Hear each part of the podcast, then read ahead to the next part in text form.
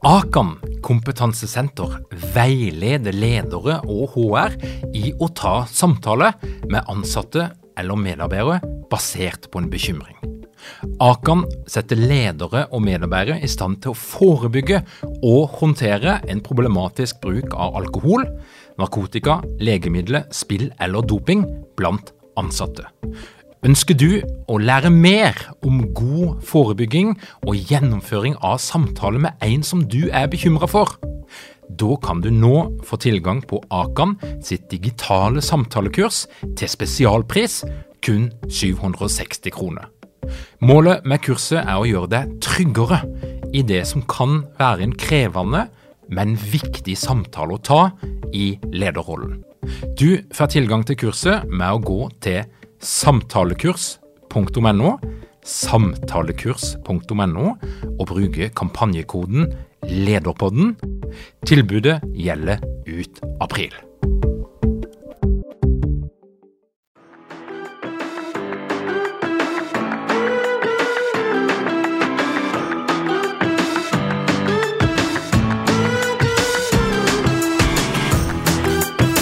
Velkommen til Lederpodden. Mitt navn er Tor Åge Eikerapen. Jeg jobber som organisasjonspsykolog med leder- og ledergruppeutvikling. Og dette her er en podkast om ledelse. Men først skal du få et par ord fra Ellen Holt, tidligere deltaker på lederprogrammet, som i dag jobber som leder i Sveko. Ellen, var det verdt det? Ja, det er skikkelig kult, faktisk. For den følelsen sitter jeg, det er så eh, tydelig for meg at det her angrer jeg ikke én krone på. Så jeg kjørte jo full pakke. Ambisiøs og personlighetstest og alle moduler. Og jeg har hatt så god nytte av det. Jeg jobber jo med mennesker. Eh, masse mennesker. For jeg jobber også parallelt i mange prosjekter og dealer mye med mellommenneskelige ting og tang. Så jeg har fått veldig mye av eh, lederprogrammet i form av konkrete verktøy. Og jeg satte også veldig pris på de breakout roomsene, hvor jeg fikk eh, på en måte kjørt meg litt da, i kleine situasjoner med andre. Hvor man også får For det første så får du brukt den kunnskapen du akkurat har fått tilegna deg, i praksis med andre, og så får du tilbakemelding med en gang. Litt sånn kan kanskje ordlegge deg annerledes, eller eh, hvordan, hva tenker du om hvordan mottakeren tok dette?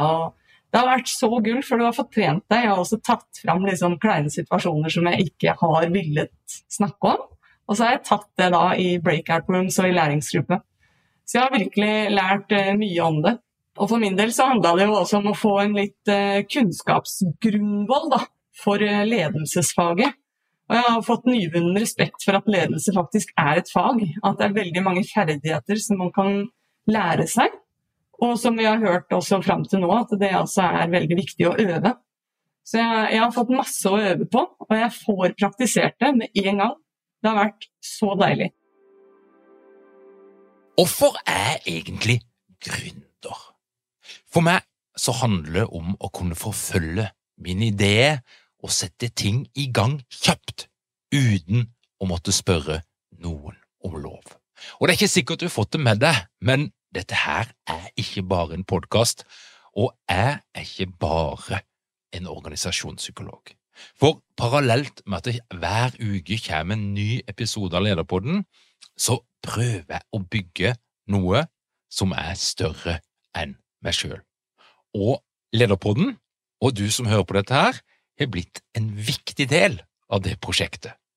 For i mange år så var jeg et omreisende one man show, med et knippe fengende foredrag i sekken og en gullfarga klikker i hånda. I 2020 så bestemte jeg meg for å utfordre meg sjøl, dra ting litt lenger, hjelpe flere, se hva som var mulig å få til, men først og fremst prøve å skape noe som var større enn meg sjøl. Men hva er egentlig en gründer? Altså, jeg vokste opp omgitt av gründere uten å egentlig skjønne det. Vi brukte nemlig ikke det begrepet, eh, men det var gründere de var. Onkler, tante, min mor og min far. De dreiv for seg sjøl.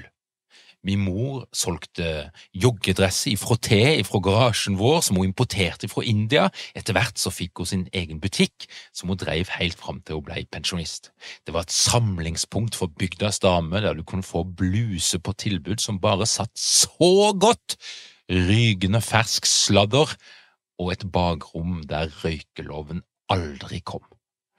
Min far han slo mer på stortromma, vi snakker slutten av 80-tallet. Han utdanna seg til byggmester mens han hadde det som etter hvert ble en utrygg jobb i Forsvaret, og han starta da for seg sjøl med kassakreditt, firmabil og arbeidstøy i matchende farge og en frekk logo med initialene hans og et tak oppå klistremerke, et heimekontor med rådyrt datautstyr, matriseskriver og en Eriksson mobiltelefon på over ti kilo. Det var bånn gass, det var fire–fem ansatte, det var julebord i Danmark og medlemskap i det som har vært Venneslas eneste losje, så lenge det varte. En ting som alle de her folkene som eh, omga meg hadde felles, det var at ingen av de snakka om å lage en MVP eller å kjøre inn investor pitch for å få en lengre runway å skalere på. Det eneste jeg kan huske, var at de kanskje hadde en smule forakt for folk med fast, trygg jobb i offentlig sektor, så vidt jeg kan huske. En gründer kan altså være så mangt, det, det, er hele spekteret ifra tørren som bare vil drive for seg sjøl og helst ikke vil ha noen ansatte for det som er papirarbeid, til serieentreprenøren som klarer å tjene titalls millioner bare på å fortelle en overbevisende historie i powerpoint-format om framtidig monthly recurring revenue til investeringskåte pengefolk før dette her selskapet har omsatt for ei eneste krone. Jeg starta mitt første selskap da jeg var så vidt fylt 16 år, og siden da så har det blitt en håndfull selskaper som har vært med på å dra i gang. I tillegg så har jeg i flere år hatt stor glede av å få lov til å jobbe tett på unge selskaper som vokser i høy fart, og som har lyst til å investere i ledelse og profesjonalisering, og, og derfor har jeg lov til å være med litt på veien. Jeg har sett både hva som fungerer veldig bra. Og så har jeg òg eh, vært vitne til at en euforisk opptur kan bli snudd til en bratt nedtur i løpet av et par døgn. Av og til så er det mulig å se i ettertid at det var selvforskyldt, andre ganger på grunn av omstendigheter som ingen egentlig kunne styre. Og som mange menn som pusher 50, så er jeg på et sted i livet der jeg har fått et voksende behov for å gi råd til folk som ikke har bedt om det. Og her skal du få mine fem beste og mest dyrkjøpte råd fra snart 30 år med småskala gründeriet. Mitt første råd, eller min første påstand, nummer én, det er at raske penger de fins ikke! Altså, med mindre du skal starte med å selge illegale rusmidler eller noe annet som er helt på grensa av hva som er lov og etisk innafor, ja, så fins ikke raske penger! Til tross for at det fins folk på ulike sosiale medier som får det til å høres ut som at hvem som helst som poster ofte nok på LinkedIn, vil i løpet av kort tid omsette for millioner av kroner hvis de vil, så må jeg skuffe deg og si at det er en bløff. Skal du bygge en bærekraftig virksomhet, så krever det tid. Du kan ha verdens beste produkt eller tjeneste, men starter du med blanke ark, så vil det ta flere år før tilstrekkelig antall folk har hørt om det du gjør, og har fått nok tillit til deg til at de trykker på kjøp. Tid Stamina og flaks er undervurderte faktorer når vi prøver å forstå hvorfor noen lykkes og andre ikke. Og jeg mener at du bør ta høyde for at dette her vil ta tre til fem år før du egentlig får testa ut om det er liv laga for din idé eller ikke. Og så blir det selvfølgelig en bonus hvis ting tar av før det, og ja, noen regninger vil gå til inkasso. Det vil være måneder der du ikke har penger til lønn, og det vil være perioder der e-poster fra Altinn nærmest gir deg panikkanfall, bare sånn at du vet hva du har å glede deg til. Nummer to, hva slags problem løser du for hvem? Før du sier opp jobben din, brenner alle bruer og kaster deg inn på brreg.no, Brønnøysundregistrene, det er der det skjer, ja, så er det noen spørsmål du bør stille deg sjøl, og gjerne andre òg, som vet kanskje enda mer om det eh, enn du gjør. For hvis noen skal betale deg for en vare eller tjeneste, så, så er det stort sett to grunner til at de gjør det.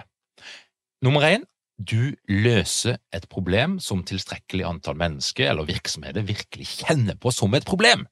Altså, det må være noe som gjør litt vondt for at de har lyst til å betale seg ut av det.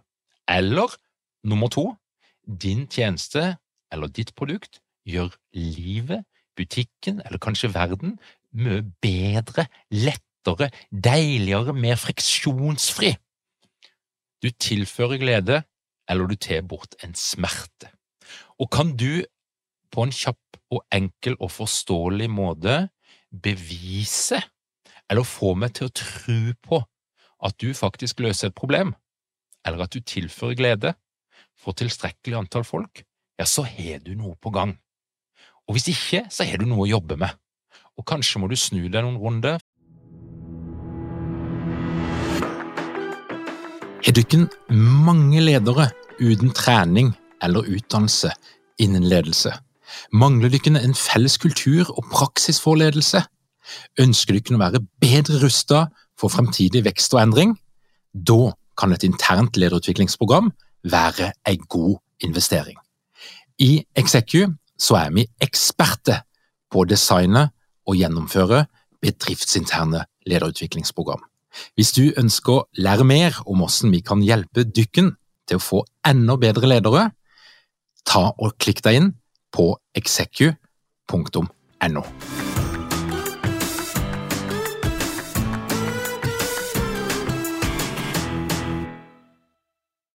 Før du finner det rette problemet å løse på den rette måten for den rette målgruppa. Og det med målgruppe er ganske viktig, for det er jo noen som prøver å være alt for alle. Jeg tror det kjapt er en, en måte å feile på.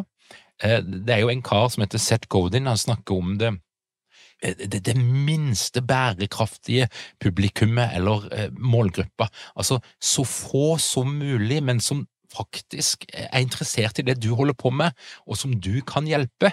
Prøv å nå ut til så få som mulig, men fokuser på den lille gjengen der som er interessert i det du holder på med, og så kan du egentlig drite litt i resten. Men hvis du tenker at det skal være noe for alle, så blir det veldig utydelig og vanskelig å skjønne hva du egentlig driver med, og hvem du egentlig kan hjelpe. Råd nummer tre, det er spør, lytt og sorter. Det er lett å leve gründerlivet inni sitt eget hode og tro at du sitter på alle de geniale svarene sjøl.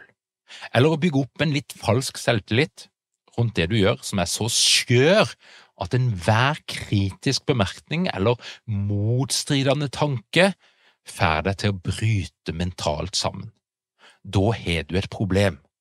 Og hvis det er en ting som jeg har hatt enormt nytte av, så er det å oppsøke folk som jeg tror kan noe som ikke jeg kan. Altså, jeg har ringt til de merkeligste folk og sendt e-post og holdt på for å finne litt ut er det noe her som jeg kan lære.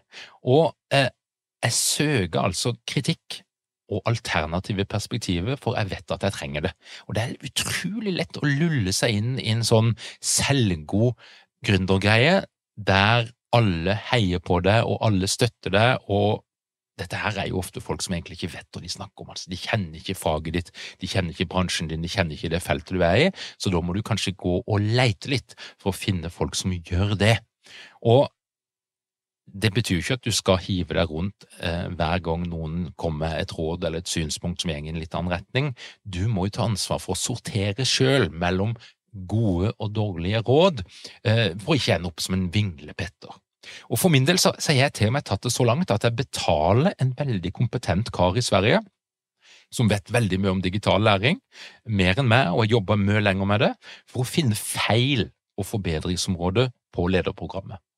Eh, og det har kanskje vært det som har bidratt i aller størst grad til at programmet er blitt bedre og bedre sesong for sesong, nemlig at det er noen som er be om å finne feil, kritisere, gi tilbakemeldinger som vi kan bruke til å bli enda bedre. Så pass deg, kjære gründer, for at ikke du blir selvgod, arrogant, og at ikke du tåler å få tilbakemeldinger, for du er så vanvittig glad i denne babyen din. Noen må si at babyen er stygg, som noen har sagt på denne podkasten før, um, og, og det såpass selvtillit bør du prøve å bygge opp på det du holder på med, så du tåler å få de her tilbakemeldingene og bruke det på en fornuftig måte til å bli bedre. Søk kunnskap, Lær av andres erfaringer, så slipper du kanskje å gå i noen av grøftene sjøl. Råd nummer fire Prøve, feile, lære, prøve igjen, repeat. For du vil feile. Du vil ta idiotiske beslutninger som virker veldig smarte i øyeblikket og du vil se tilbake på en del ting du har gjort i de første fasene med noe som ligner på skam.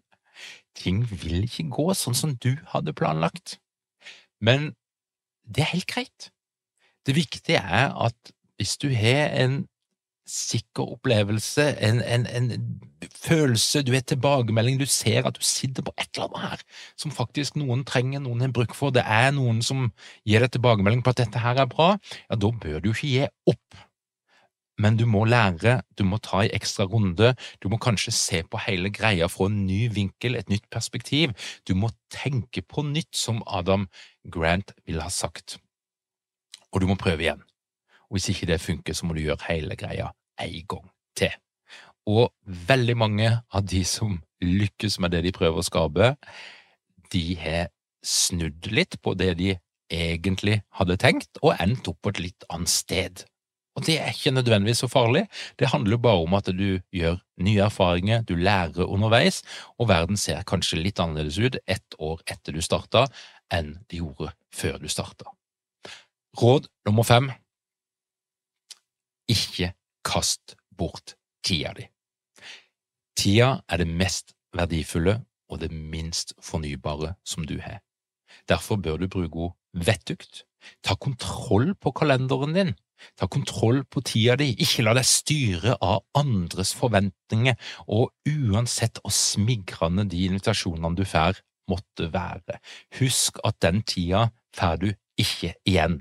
Og det er utrolig mye meningsløse, tullete fristelser der ute, spesielt hvis du hopper inn i denne gründerverdenen der det er massevis av folk som vil ha din oppmerksomhet og få fram sitt budskap og bruke de tid. Det betyr jo ikke at du ikke skal ha kontakt med folk eller ikke gjøre ting, men du bør trene på struktur og selvdisiplin hvis ikke det kommer automatisk, og hvis det er én ting du skal trene på, så er det å si nei uten å få dårlig samvittighet. I en oppstartsfase så er det naturlig at du som gründer må ha mange hatter, og du må gjøre viktige og mindre viktige ting om hverandre. Den ene dagen så er du i forhandlinger, du er ute og selger, du jobber med selve produktet eller tjenesten din, og så skal du den andre dagen eh, fylle på kaffemaskinen og gjøre rent, eller hva det nå måtte være for noe. Og sånn må det være i en oppstart. Men så fort du har mulighet, så må du slutte med det.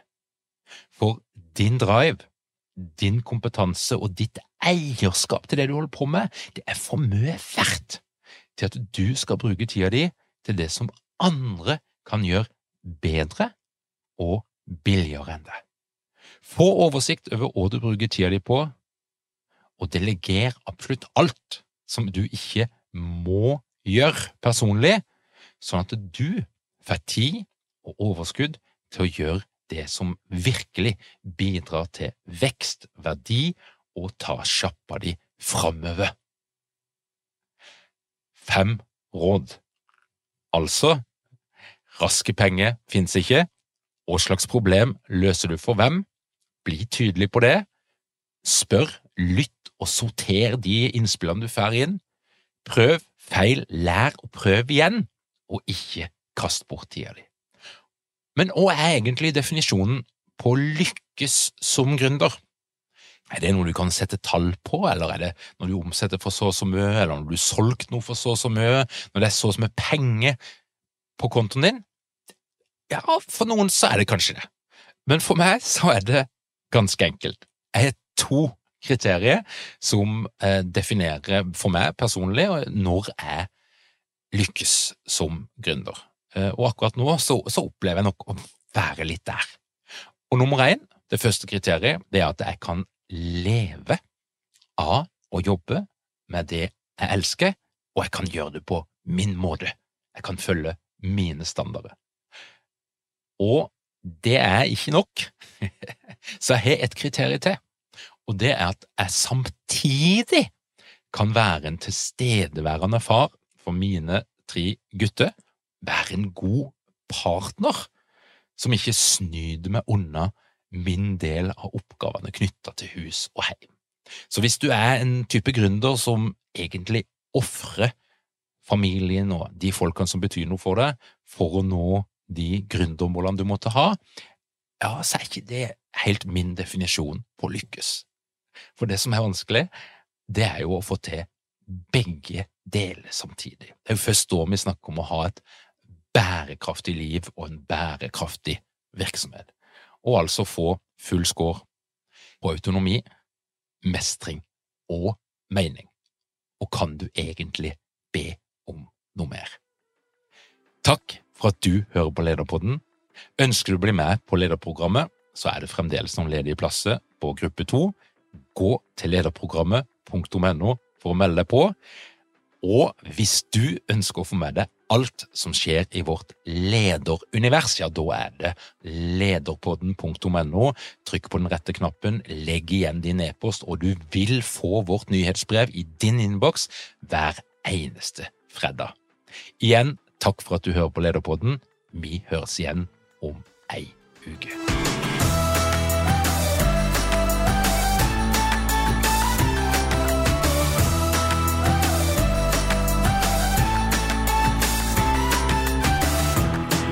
Lederpodden er gitt til deg av Execu.